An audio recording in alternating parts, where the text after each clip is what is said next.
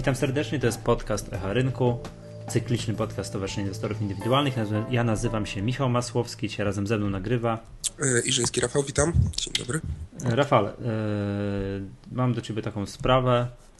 Rozpoczynamy dzisiaj, tak jak nagrywamy to dzisiaj jest poniedziałek, yy, 13 kwietnia, to dzisiaj rozpoczynamy nową edycję Portfela C. Tak, tak Państwo, którzy tam część, dłużej nas nie wiem, śledzą na stronę C, to wiedzą, że w zeszłym roku Portfel C był działał. Teraz mieliśmy krótką przerwę, musieliśmy e, naładować akumulatory, przemyśleć kilka spraw, jak to teraz będziemy robili, żeby to było dynamiczniejsze, ciekawsze, lepsze, fajniejsze i w ogóle. I będziemy odstartowali za sekundkę, czy już startujemy z nową edycją portfela. Jakbyś mógł, Rafał, tak powiedzieć bardzo z grubsza, czym to się teraz będzie charakteryzowało i jak to będziemy sprytnie wydawać yy, pieniądze. Miejmy nadzieję, że sprytnie i udane. To nie będzie tylko zależało od nas, ale również właśnie od, od naszych członków, sympatyków, osób, które również będą e, brały udział po prostu w ankiecie, wybierając e, poszczególne spółki e, do zakupu do tego, do tego portfela. To jest trochę temat złożony.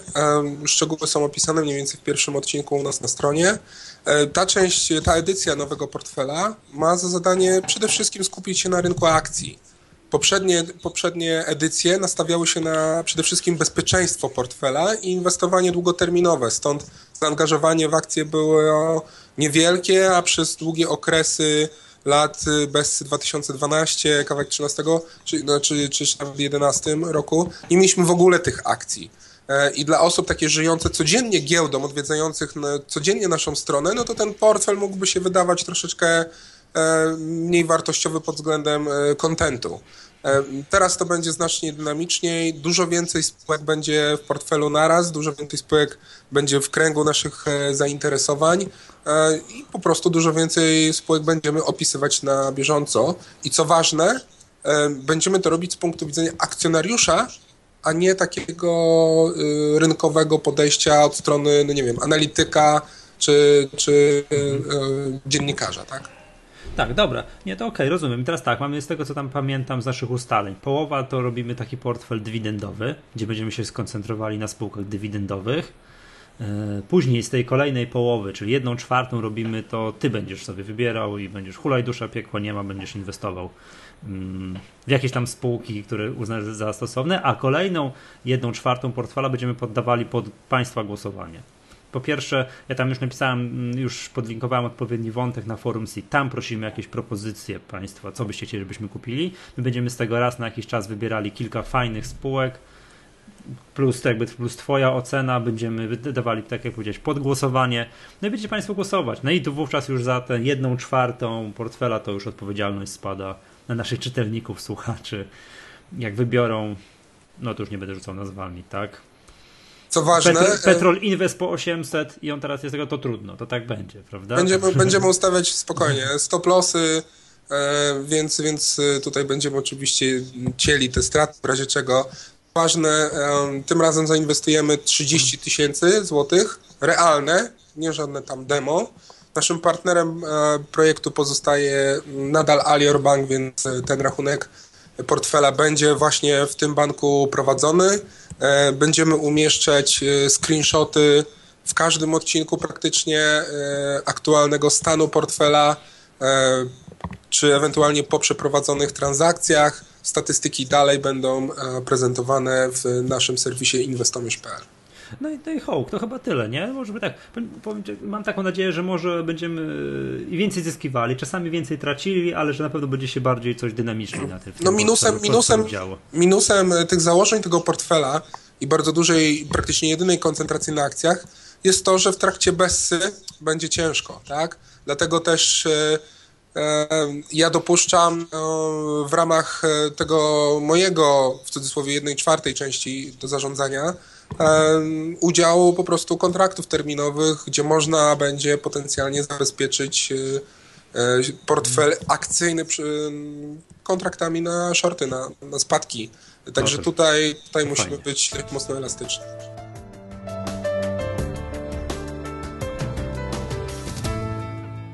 Dobra, okej. Okay. E, to przejdźmy może do takich tematów, które tutaj mamy. Chciałbym tu dwa słowa powiedzieć o tym, że oferta idea banku poszła tak sobie. Tak tutaj delikatnie chyba trzeba rzecz y, ująć. To przypomnijmy, w tym IPO mia miało zostać sprzedanych akcji za ponad 800 milionów, a skończyło się na akcjach za 200 kilkadziesiąt milionów.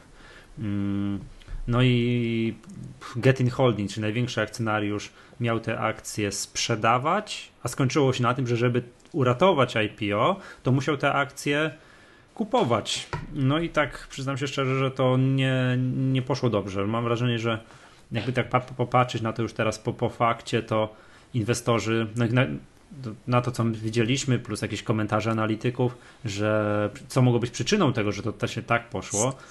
Jakby to dwa tematy. Pierwsze, że chyba dosyć niskie zaufanie w chwili obecnej rynku do Leszka Czarneckiego, czyli właściciela Getin Holding. Jak patrząc historycznie, nie no, takie debiuty jak LC Corp, no to wcale się nie dziwię.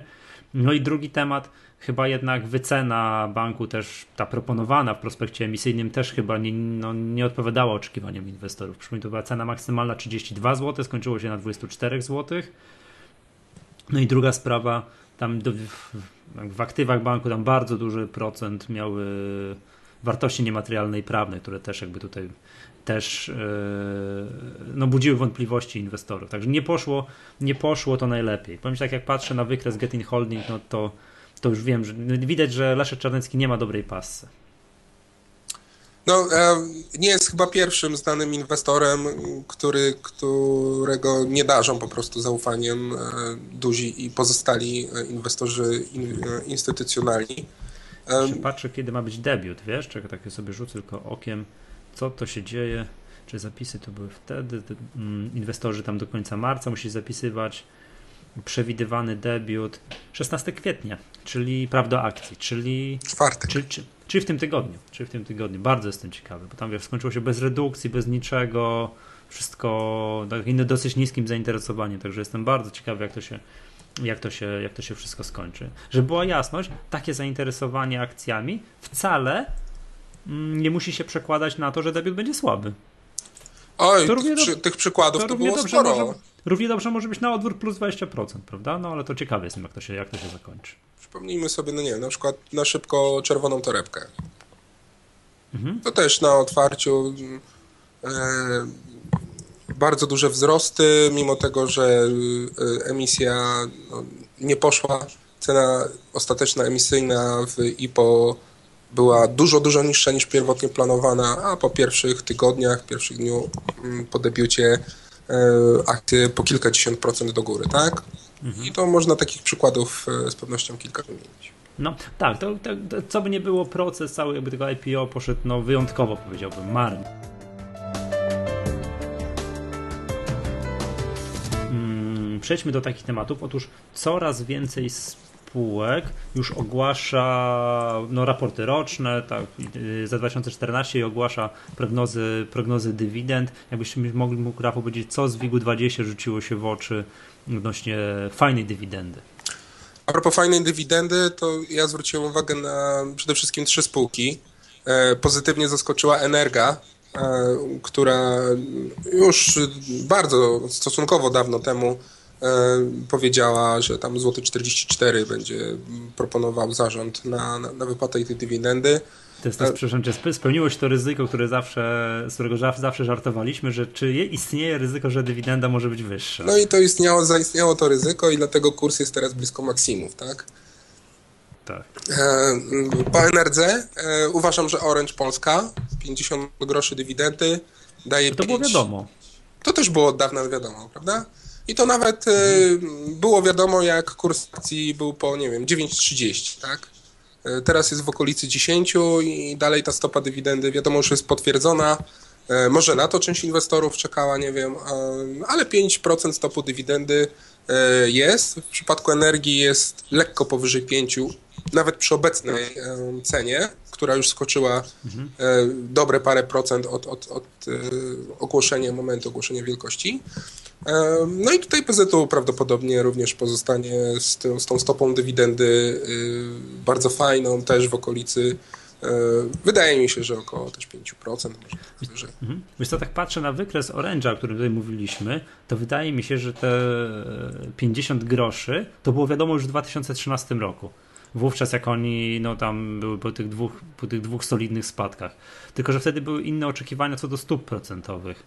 Mm, a teraz, no jak było po 7 zł był Orange, to też było wiadomo, że będzie, że będzie 50 groszy, ale może być to, co ty mówisz, że to nie było nic pewnego, że te takie oczekiwania, że to musi zostać potwierdzone. To jest raz, a dwa, że mm, kiedyś 5% stopa dywidendy to było tak, no inwestorzy kręcili nosem, a dzisiaj 5% stopa dywidendy to jest, to jest bardzo dobrze. To jest bardzo dobrze. Stąd może, stąd między innymi też takie, no co to mówić, no ostatnio trochę wzrosty na, wzrosty na Orange, aczkolwiek przypomnijmy, że potem pod koniec 2014 już było ile, powyżej 11 zł było, już nie pamiętam. No 12, 12 jest, nawet było. 12 było, dokładnie, musiałem sobie muszę wykryć wyświetlić. 12 zł było przy, w okolicach września, października. Później były spadki, więc mam wrażenie, teraz to się tak łatwo mówi po fakcie, ale że jakieś grudniowe, styczniowe ceny 7,5 zł, 7,60, no to super okazja była. No, z punktu widzenia przyszłości zawsze możemy tak sobie gdybać. Dokładnie, to, to teraz tak, no. Jak, jak widzę wykres, to zawsze można tak powiedzieć, ale patrzę na tą stopę dywidendy i tą przewidywaną wówczas, a teraz już potwierdzoną dywidendę 50 50 mm, groszy. To a propos, to a propos mhm. przeglądania wykresów i, mhm. i, tych wszystkich procentów. E, swojego czasu dość mocno zwracaliśmy uwagę na osłabienie mm, kursu rubla. Ja pamiętam, no. jak się tam kiedyś zakładaliśmy, tak? E, w którymś I tam co to odcinku. było? Ja powiedziałem o matkę, ja przegrałem z Kertesem to głosowanie. Ja powiedziałem, że, że dadzą radę, że rubel będzie, nie, że tak, że nie, sorry, że, że kurs dolar-rubel to będzie 100, 100 rubli za jednego dolara, ale widać, że rubel się tak powolutku, powolutku, powolutku od tych krachów tam grudniowo-styczniowych umacnia. No to nie jest takie powolutku, bo od stycznia to jest umocnienie rzędu 25%. No, ale tam biorąc pod uwagę, co tam się nie, no działo no w tym no, grudniu, to, to, to, to uznaj, uznajmy, że powolutku. E, no, jest, jest, jest to fakt, ale umocnienie jakiejkolwiek waluty o 25%, nawet jeśli się osłabiła wcześniej, no to ciężko sobie teraz. Yy, wcześniej można było sobie wyobrazić, że rubel z kolei umocni się o tam z 70 kilku na 50, chyba 2 czy 3 obecnie do dolara, no to pokazuje, że tak jakby, no tam, nie wiem, chyba tam kapitał znowu postanowił wrócić, skoro jest takie mm, umocnienie. No, ale wiesz co, to mam wrażenie, że nie wiem, że będzie jakaś przewidywana wojna na wiosnę, to to no gdybym był zarządzającym jakiegoś wiesz, zachodniego funduszu i teraz powiedział, dobra, inwestujemy w tej Rosji, bo chyba się rubel będzie umacniał, to nigdy już bym tak nie powiedział. To przecież ryzyko polityczne jest tam po prostu jakieś absurdalne. Także Ale główna zasada absurdalnie, brzmi, absurdalnie wysokie. Jak? Kupuj, gdy na ulicach leje się krew. Dokładnie. A że krew się leje, tak, to, to, to można kupować. No dobra, dobra, dobra, dobra. To... A co chciałeś o tym rublu? To a propos jakichś naszych spółek? E, no również, również, bo tutaj y, kurs y, rubel-dolar to przekłada się chociażby na Amikę. No to czekaj, niech spojrzę, bo Amika super widziałem ostatnimi czas. No Amika nieprawdopodobnie wykres wygląda. To jest y, około... A ile my rozmawia... ile rozmawialiśmy, jak ona była w okolicach 100 zł, tam 100 paru złotych. Sporo, tak? O Amice, I, i, tą, i, tą Rosję, I tą Rosję wymienialiśmy jako, jako ten duży czynnik ryzyka, bo wiele spółek, tak chociażby, chociażby LPP, tak? Jak, jak zostało pokarane, jak, jak marżowość LPP, jak marżowość LPP się bardzo mocno y, odbiła. zobacz, no, LPP y, produkuje odzież, tak? Sprzedaje w Rosji bardzo duży, znaczący rynek. A Mika co robi? No, tak samo, no, produkuje AGD, sprzedaje na rynku rosyjskim. No więc tu... No i wykresy wyglądają dokładnie odwrotnie. No i dokładnie odwrotnie, no dokładnie. I to, już, to już już pokazuje fakt jakiegoś, e, czy specyfiki branży, że w tych samych warunkach można zupełnie inne wyniki e, osiągać. E, powstał, napisałem raport analityczny, taki update raportu analitycznego Amice, on już jest u nas na stronie odsłonięty i tam ja się ze spółką spotkałem, rozmawiałem, E, I spółka twierdzi, że rentowność w Rosji rośnie od kilku miesięcy. Oczywiście sprzedaż e, spada. Marzec był e, słaby pod względem właśnie sprzedaży, ale rentowność rośnie. Oczywiście próbują przerzucić część sprzedaży na rynki zachodnie i to jest ich główny teraz target do rozwoju, żeby mocniej zaistnieć na takich rynkach jak Francja, Włochy, Hiszpania, Wielka Brytania, ale to też było dawno podkreślane, że te spółki, że te kraje E, są tak mocno nasycone i konkurencyjne na tym rynku mm, handlu e, AGD, że tam wejść bez jakichś tam przejęć y, jest bardzo ciężko lub wymaga bardzo dużego czasu i sporych nakładów. No i to Amika jednak mówi, że jednak dalej wciąż będą próbować dokonywać jakichś akwizycji, ale również już postanowili również wybrać ten wariant długoterminowy i operacyjnie rozwijać sprzedaż na tych rynkach. No zobaczymy. Co do więcej szczegółów na temat Amiki, to, to zapraszam do raportu. To fajne. My pierwszy raport o Amice pisaliśmy dwa lata temu przy kursie 40 zł. Teraz kurs wynosi 140 zł. 140. Um, więc e, bardzo ciekawy tutaj był również e, um, ostatnia transakcja, ostatnie wydarzenie e, na Amiki, bo główny właściciel sprzedał pakiet akcji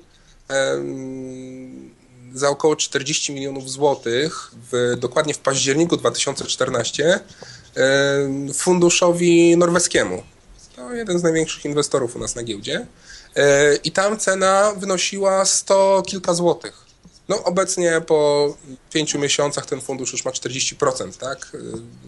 Zysku, zysku potencjału. Mhm. Mhm. Nie, że wiesz co, robię taki przegląd wykresu, tak sobie przeklikałem takie spółki, które my tu często poruszamy i czy w Newsroomie, czy tutaj w naszych rozmowach. Lotos mi się kojarzy, że często poruszamy który, i przy okazji których wykres wygląda fajnie, obiecująco, no i tak, który robi dobre wrażenie, to na mnie dobre wrażenie robi wykres Lotosu. No tak, no tam przede wszystkim doszło mhm. do praktycznie zakrycia luki spadkowej, która była bardzo ważna.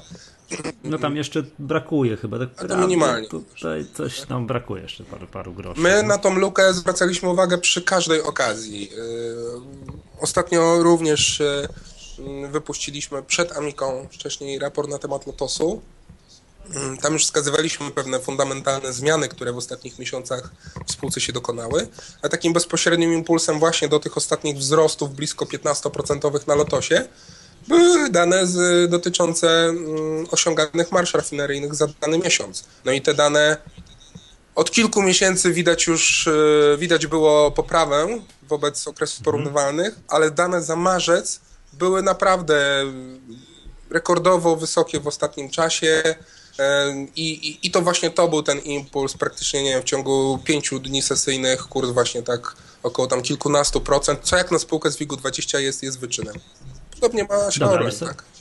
Okej, okay, Lotos właśnie chciałem powiedzieć. Lotos Lotosem, to tam przykrywa jakieś luki i tak dalej, ale to co robi, to co się stało ostatnio na akcjach Orlenu, no to, to już jest naprawdę yy, budzi respekt i szacunek. Więc tak wyświetlam, to są maksy historyczne, to co się teraz dzieje. Znaczy, może tak, nie nominalnie, bo nominalnie bodajże tam chyba 69 albo 70 zł było w 2000 yy, tam, no przed 2008 rokiem ale jak się uwzględni historyczną, w 2005 był, to był chyba historyczny maks, tak nominalnie, ale jak się uwzględni tak po drodze wypłacaną dywidendę, to teraz jest historyczny szczyt.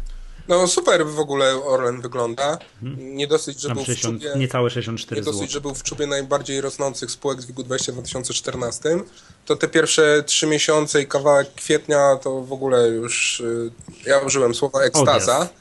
No ale to jest wzrost spółki o ponad 50% już chyba w tym momencie, tak? Yy, tam z 37, teraz jest powyżej 60. Yy, no dobra, no nie, nie całe 50%. A pamiętasz tak z pamięci, yy, jaką dywidendę zapowiedzieli? Nie, nie pamiętam. Nie, nie, nie, bo teraz już ta stopa już się trochę niższa robi, to już tam nie będzie zbyt, ona tam przy wycenach typu 40 była dosyć atrakcyjna stopa dywidendy, ale przy wycenach powyżej 60 to już nie. No ale co by nie było, no chyba to też jest ten, ta sprawa tych wszystkich marsz rafineryjnych, jak to oni teraz to jakie teraz, jakie teraz wyniki osiągają. No naprawdę wygląda stopa, to Stopa zwrotu, przepraszam, ponad, no. ponad 50, to jest nawet około 70 już nawet e, mhm. dynamika wzrostu kursu akcji, to jest no, bardzo rzadko spotykane. Ja sobie nie pamiętam, żeby w ostatnich e, wielu, wielu kwartałach jakaś spółka z WIG-20 o tyle urosła. No dobra, no chyba, że tam jakiś kernel przez chwilę, chyba, że JSW tam z 16 do 23, e, no ale wiadomo, że to inne... JSW tak JSW szoruje po dnie. Tam jest już, tak, oni są gotowi bliscy zawalania się poniżej historycznego minimum, które gdzieś tam w grudniu bodajże było ściągnięte. Jest, tak? jest bezchlebie, 16... nie wiadomo kto zostanie prezesem. E, Okej, okay, no, y, mhm. program jest podpisany, restruktury, znaczy cięcia kosztów, ale to jest, pamiętajmy, tylko zawieszenie na tam około dwóch lat tych świadczeń. Czyli pewnie za dwa lata znowu na dzień dzisiejszy niektórzy mogą sądzić, że czeka fala strajków. E, no ale to będziemy się martwić no, za to tym będziemy się martwić no, za dwa lata, ale po prostu skala niepewności, dalej trendy spadkowe w cenach e, węgla koksowego, energetycznego.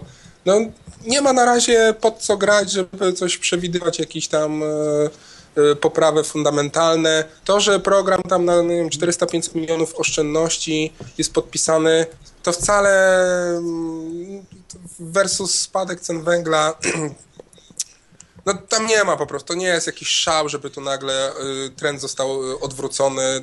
No, mhm. Duże zniechęcenie inwestorów do tej spółki. Y, no, plus wyszli z WIG-20 ostatnio. To już w ogóle z automatu stwarza mhm. większą podaż na instytucjonalnych inwestorach. Dobrze, no i jakby w temacie tych spółek węglowych, tak, to Bogdanka też bardzo niewesoło przez ostatnie jakieś tam kilka miesięcy wygląda. Domyślam się, że to jest jakieś tam pochodna tych cen węgla, o których już przed sekundą wspominałem. Problem jest w tym dla Bogdanki, że kompania węglowa to jest taki kogucik, któremu łepek odcięto i e, po prostu zeskoczył i macha pozostałością szyi, rozbruzguje krew, e, po prostu plamiąc wszystkich, łącznie z tym... Strasznie, strasznie plastyczny. Z tym egzekutorem. I, I, fakt jest taki, że e, kompania węglowa wyprzedaje węgiel po prostu PKC. Pyk, te zapasy, które ogromne na handlach były. Aha. E, no i to powoduje bardzo duży spadek cen rynkowych, cen węgla e, w Polsce, mm, na czym cierpi po prostu i na czym cierpią pozostali producenci, a między innymi Bogdanka. No i sama spółka mówi, że mm, taka produkcja węgla handlowego w pierwszym kwartale była na niższym poziomie, bo to było 1 950 milionów ton wobec 2 23, więc, więc no, około 10%, tak na szybko, około dużo niżej. No i spółka mówi, że jest to związane z trudną sytuacją rynkową i po prostu nad podażą e, węgla na polskim rynku, tak? A ta produkcja obecna w pierwszym kwartale nie zależała od posiadanych mocy produkcyjnych, ale od możliwości uplasowania węgla na rynku. No i jest wszystko jasne. Mhm po co więcej produkować, jak nie ma komu sprzedać, albo mamy sprzedać po znacznie niższej cenie, no to troszeczkę po prostu ograniczymy, no i tu już e, wszyscy analitycy, większość analityków mówi, no istnieje zagrożenie e, realizacji planu, tak, e, sprzedaży dla całego 2015 po tym pierwszym kwartale. E, no i kurs się zachowuje tak, a nie inaczej. Seria, seria obniżek wyceny akcji w rekomendacjach. No, zobaczymy, jak to się dalej potoczy.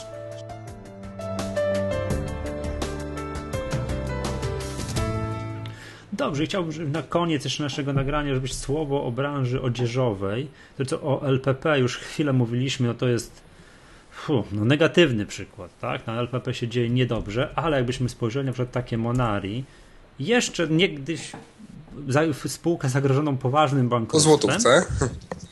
Tak, to, a teraz jest ile? 15 zł? Tak mniej więcej, tak? Czy z pamięci wiem, wyświetlę sobie wykres. No 14,95 w chwili obecnie jak rozmawiamy.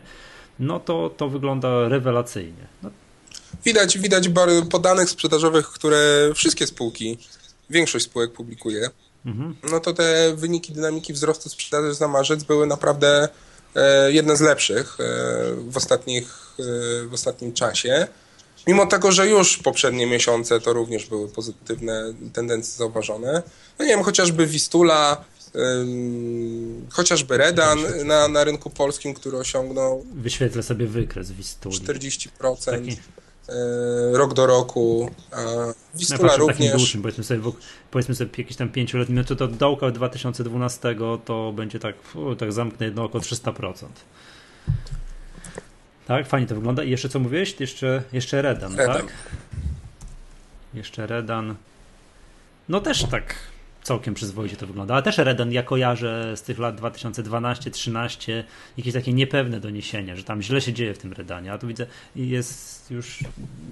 Wiem, że piszesz raport na ten Redanu, który się pojawi jakoś, nie wiem, w tym tygodniu, tak? U nas na stronie? No, nie chciałbym finalnie tej, tej, tej daty publikacji y, ogłaszać. Y...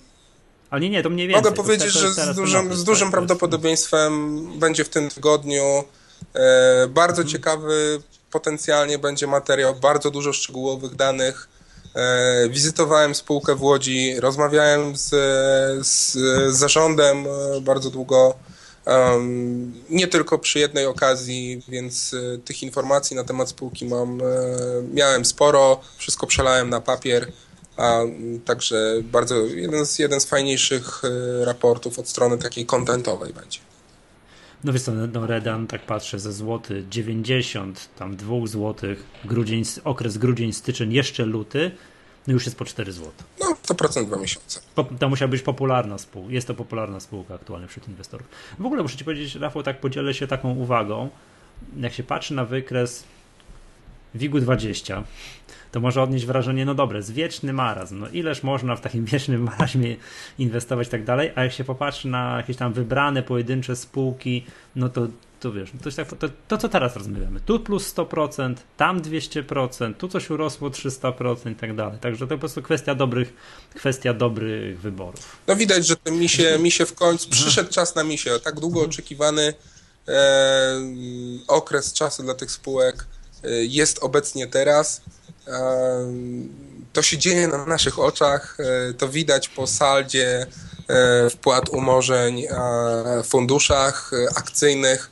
Powoli już są, są, bardzo wysokie. Powoli już są tak, dane, są że nawet no. z funduszy właśnie takich long-termowych, pieniężnych, obligacyjnych konwertowane są środki na fundusze akcyjne, to tam gdzieś taka pierwsza jaskółka już się pojawiła potencjał jest ogromny do takiego, do kontynuacji takiego strumienia. Pytanie, czy on wystąpi. No jeśli on wystąpi, no to ilość środków, które będą do rozdysponowania przez zarządzających, będzie naprawdę spora. Ciekawy czas. Ciekawy czas. No wiesz, bo to jest tak, to, to, to powiedzieliśmy, to pachnie jakąś wielką hossą, tak? I bardzo dużo już analityków, jakichś tam komentujących zapowiada, że oto jesteśmy w przededniu wielkiej hossy. To z jednej strony fajnie, a z drugiej strony jakoś mi się tak zawsze kojarzy, że jak już wiele osób mówi, że to za sekundkę będziemy mieli wielką hossę, że czas by był na, mm, czas by był na jakąś e, solidniejszą. Ale z drugiej strony spojrzysz, jak sobie przypomnisz takie hossy tam mhm. ostatnie 2007-2008 i zobaczysz na wskaźniki rynkowe, versus obecne wskaźniki rynkowe, średnie, no to to zupełnie jeszcze to nie są te czasy. Brakuje. O, i to bardzo dużo, dużo i to bardzo dużo. Bardzo dużo nam brakuje, dokładnie. No, poza wiesz co, minęło 5 lat, nic ja mówię. Przecież od krachu z 2008 roku to już minęło 7 lat. To są zupełnie inne spółki. To mam nadzieję, że ktoś tam pracował w tych spółkach. Ile, ile spółek już wiesz, nie ma z tamtego okresu? No to już druga sprawa, tak? Ale wiesz, no, te spółki, które sobie dobrze radzą, no to są zupełnie inne spółki, tak? To już, wiesz, wskaźnik rynkowy dzisiaj dla KGHM-u, a wtedy to są, to jest, wiesz, nieporównywalna sprawa i tak dalej, i tak dalej, tak? No kto w 2008 roku mówił o tym, że nie wiem, jakaś kopalnia w Chile, gdzie jest Sierra Gorda. Ktoś słyszał w ogóle o czymś takim? Nie, no kosmos, wiadomo. Nie. Wiadomo, a dzisiaj to jest. Także to w wielu, wielu spółkach tak jest. Dobra, Rafał, to wszystko. To, czyli tak, Zachęcamy do śledzenia naszej strony, jak to się nasz nowy portfel będzie rozwijał. Będziemy tam starali się, to mówimy. Może nie będzie tak bezpiecznie, ale na pewno będzie ciekawie. O może tak, to tak, tak, tutaj. Tak, wystawimy się trochę na strzał, no jak nam nie pójdzie, no to, to trudno, tak, ale przynajmniej, przynajmniej, będzie, przynajmniej będzie ciekawie. No i cóż, no to, to tyle. Aha, przypominamy, że o zapisach na konferencję Wall Street, koniec, mm, koniec maja, Karpacz, Hotel Gołębieski, tam gdzie zawsze. Zapisy cały czas trwają, program jest uzupełniany no praktycznie codziennie. Ja codziennie dokonuję jakichś tam zmian w programie, potwierdza się kolejny wykładowca, kolejny jakiś szczególik, także proszę zaglądać na stronę Wall Streetu najlepiej codziennie, bo tam zawsze coś, można jakąś, jakąś, jakąś nowość, nowość odnaleźć. No i cóż, no to tyle. Aha, no podatki liczyć, przypomnijmy, że to jest jeszcze nie, niewesoły fragment. Tutaj podatek giełdowy jest to też ostatnio pisałem kilka felietonów, że najmniej podzieliłem się taką uwagą, spostrzeżeniem, że to jest najmniej przyjazny podatek ze wszystkich, jakie kojarzę. Z niczym go nie można łączyć, z żadnymi dochodami, z niczym, żadnej ulgi małżeńskiej, nic, nic, nic. I jeszcze najgorsze jest to, że trzeba go samemu, że trzeba go samemu zapłacić. To jest najsmutniejsze w tym wszystkim. Ale powiem tak, no życzę wszystkim, żeby płacili tego podatku giełdowego jak najwięcej. Dokładnie. Dobra, okej, okay, dziękuję serdecznie. To był podcast Echa Rynku. Ja nazywam się Michał Masłowski. Rafał, do usłyszenia. Do usłyszenia.